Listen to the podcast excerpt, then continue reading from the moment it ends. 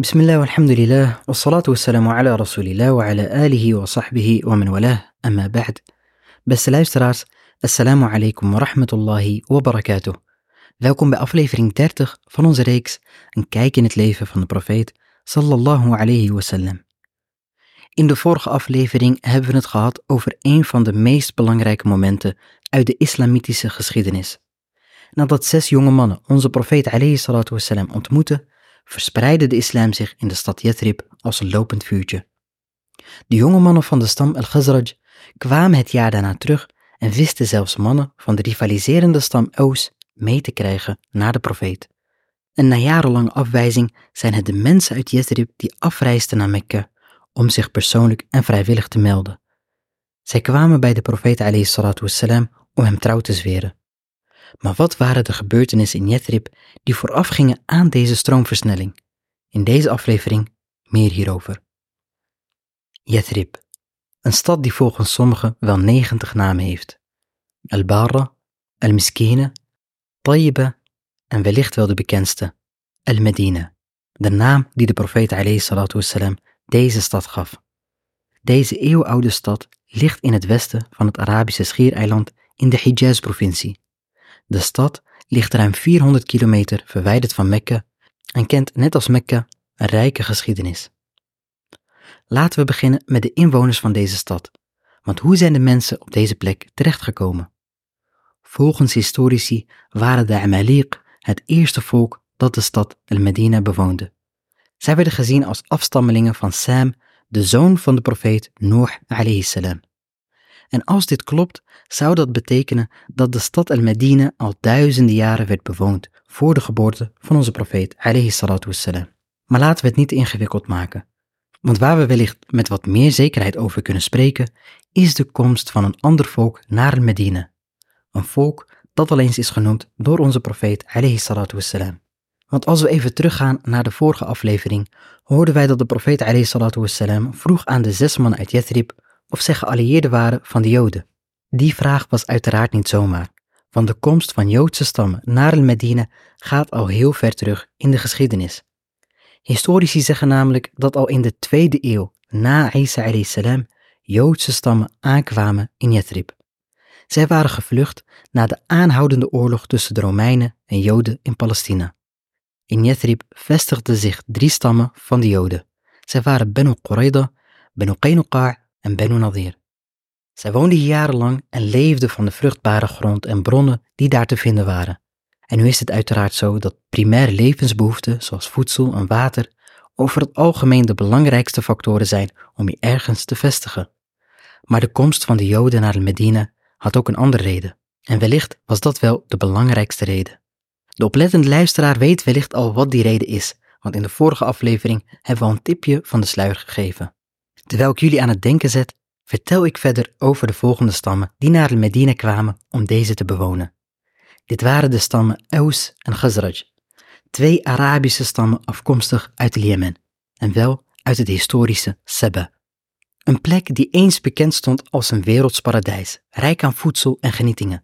Zij woonden namelijk aan een rivier en met behulp van een dam, ook wel bekend als de dam van Ma'rib, wisten zij het water te verzamelen op één plek. Er ontstond een meer, waardoor zij links en rechts van dat meer een tuin hadden vol aan genietingen.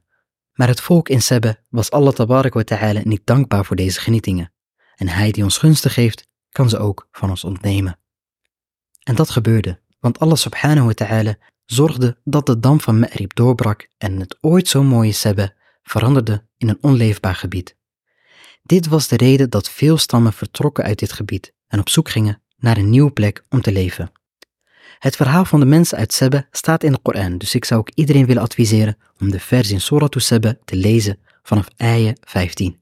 Want hun verhaal is een herinnering en waarschuwing voor een ieder die door Allah tabarak ta'ala is begunstigd. En wellicht kunnen jullie nog wel herinneren dat we het hebben gehad over de stam Jorhom, die aankwam in Mekka en ging wonen bij Hajar en Ismail.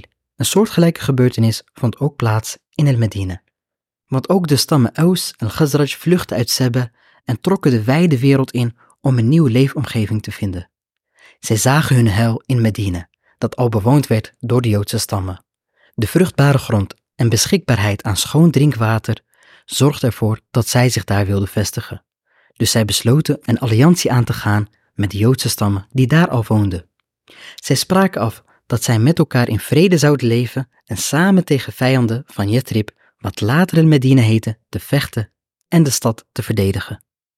En voor de verdediging van Medina was een sterk leger uiteraard zeer belangrijk. Maar de stad werd ook op een andere manier beschermd. El Medina had namelijk een zeer strategische ligging. Medina wordt namelijk omringd door bergen. En deze bergen zorgen ervoor dat Medina niet van alle kanten kan worden benaderd. Zo heb je aan de noordzijde van Medina de berg Uhud. Deze berg is maar liefst 7,5 kilometer lang en meer dan 1000 meter hoog. En aan de zuidkant bevindt zich de berg Ir, die ongeveer even hoog is. Verder zorgde een ander natuurverschijnsel ook voor de sterke verdediging van Medina, namelijk Al-Harratain. Dat zijn twee grote vlaktes, één aan de oostzijde en een ander aan de westzijde, die ontstaan zijn door gestold lava.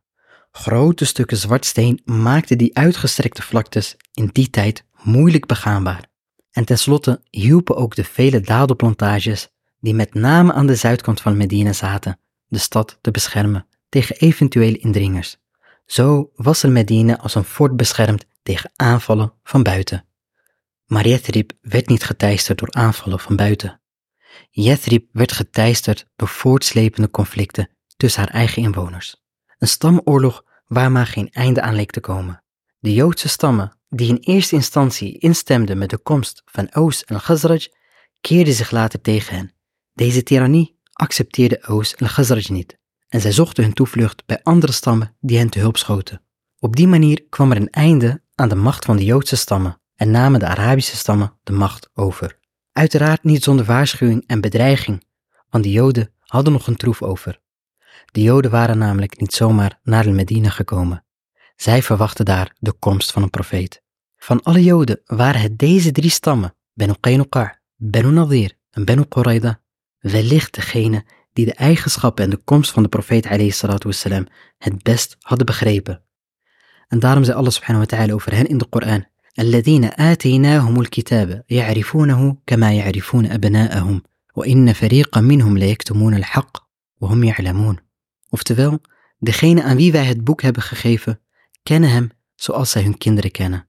En een groep onder hen verbergt zeker de waarheid terwijl zij die kennen.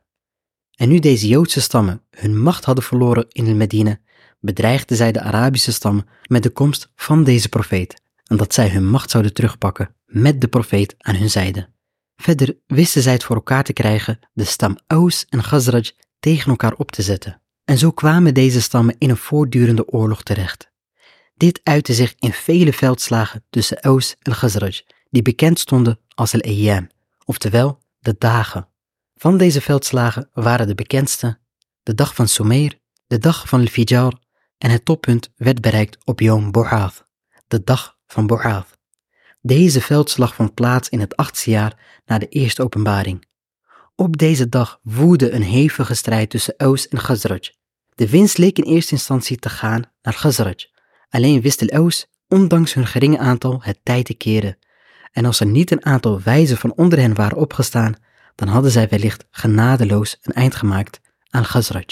Deze mannen riepen de strijders tot de orde en zeiden tegen hen, Wees goed en vernietig jullie broeders niet, want zij zijn een betere buur voor jullie dan de vossen. En hiermee bedoelden zij de geniepige Joodse stammen die hen tegen elkaar uitspeelden. Deze laatste strijd kostte ontzettend veel levens. Veel van de vooraanstaanden verloren hier het leven. De continue strijd en het verlies van de wijze en vooraanstaande zetten de mensen aan het denken. Men was moe van de nutteloze strijd, waarin geen eer te behalen was, moe van de duisternis waarin ze leefden.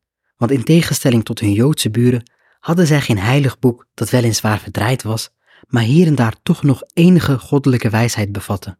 Zij waren mushrikeen, die eeuwenlang dingen deden omdat hun voorouders dat ook hadden gedaan.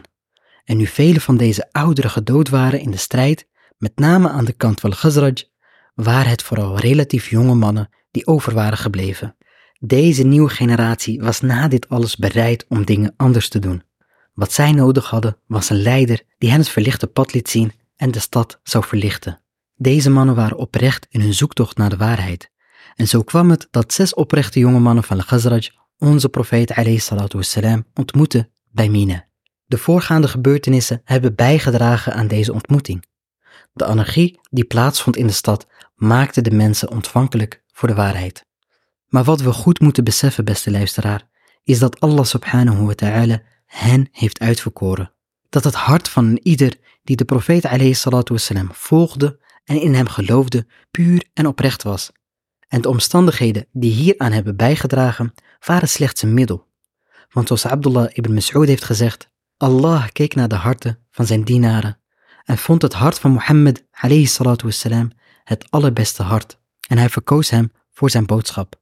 Daarna keek hij in de harten van de dienaren na het hart van Mohammed wassalam en vond de harten van de metgezellen de allerbeste harten en maakte hen tot helpers van de profeet wassalam, die streden omwille van zijn geloof. Beste luisteraar, omdat hun intenties oprecht waren, zijn zij vanuit de Medina geleid naar de profeet in Mekka, terwijl Abu Lahab, de bloedeigen oom van de profeet wassalam, onze profeet als een schaduw achterna liep en iedereen voor hem waarschuwde. وَالَّذِينَ جَاهَدُوا فِينَا لَنَهْدِيَنَّهُمْ سُبُلَنَا وَإِنَّ اللَّهَ لَمَعَ الْمُحْسِنِينَ Oftewel, en wie voor ons streven, wij zullen hen zeker naar onze paden leiden. En waarlijk, Allah is zeker met de weldoeners. Zij die oprecht zochten, hadden de waarheid gevonden. Maar wie de waarheid vindt, moet hem ook volgen en verdedigen, want de waarheid is niet bij iedereen geliefd. لقد جئناكم بالحق ولكن أكثركم للحق كارهون. Voorwaar, wij hebben de waarheid tot jullie gebracht, maar de meeste van jullie haten de waarheid. De vorige keer zijn we geëindigd bij een groep die naar Mekka was afgereisd en op het punt stond de profeet alayhi salatu wassalam te ontmoeten. Al-Abbas, de oom van de profeet alayhi salatu wassalam, die op dat moment geen moslim was, wilde graag bij deze ontmoeting zijn. Jarenlang heeft hij geprobeerd de zoon van zijn broer te beschermen. Maar waren de mensen uit de Medina bereid hetzelfde te doen als iedereen zich tegen hen zal keren? Wat hun reactie was, zullen we bespreken in de volgende aflevering. Mogen Allah subhanahu wa ta'ala ons kennis en wijsheid schenken. Wa sallallahu wa sallam wa barak ala nabina Muhammad wa ala alihi wa sahbihi ajma'in. Bedankt voor het luisteren. Wassalamu alaikum wa rahmatullahi wa barakatuh.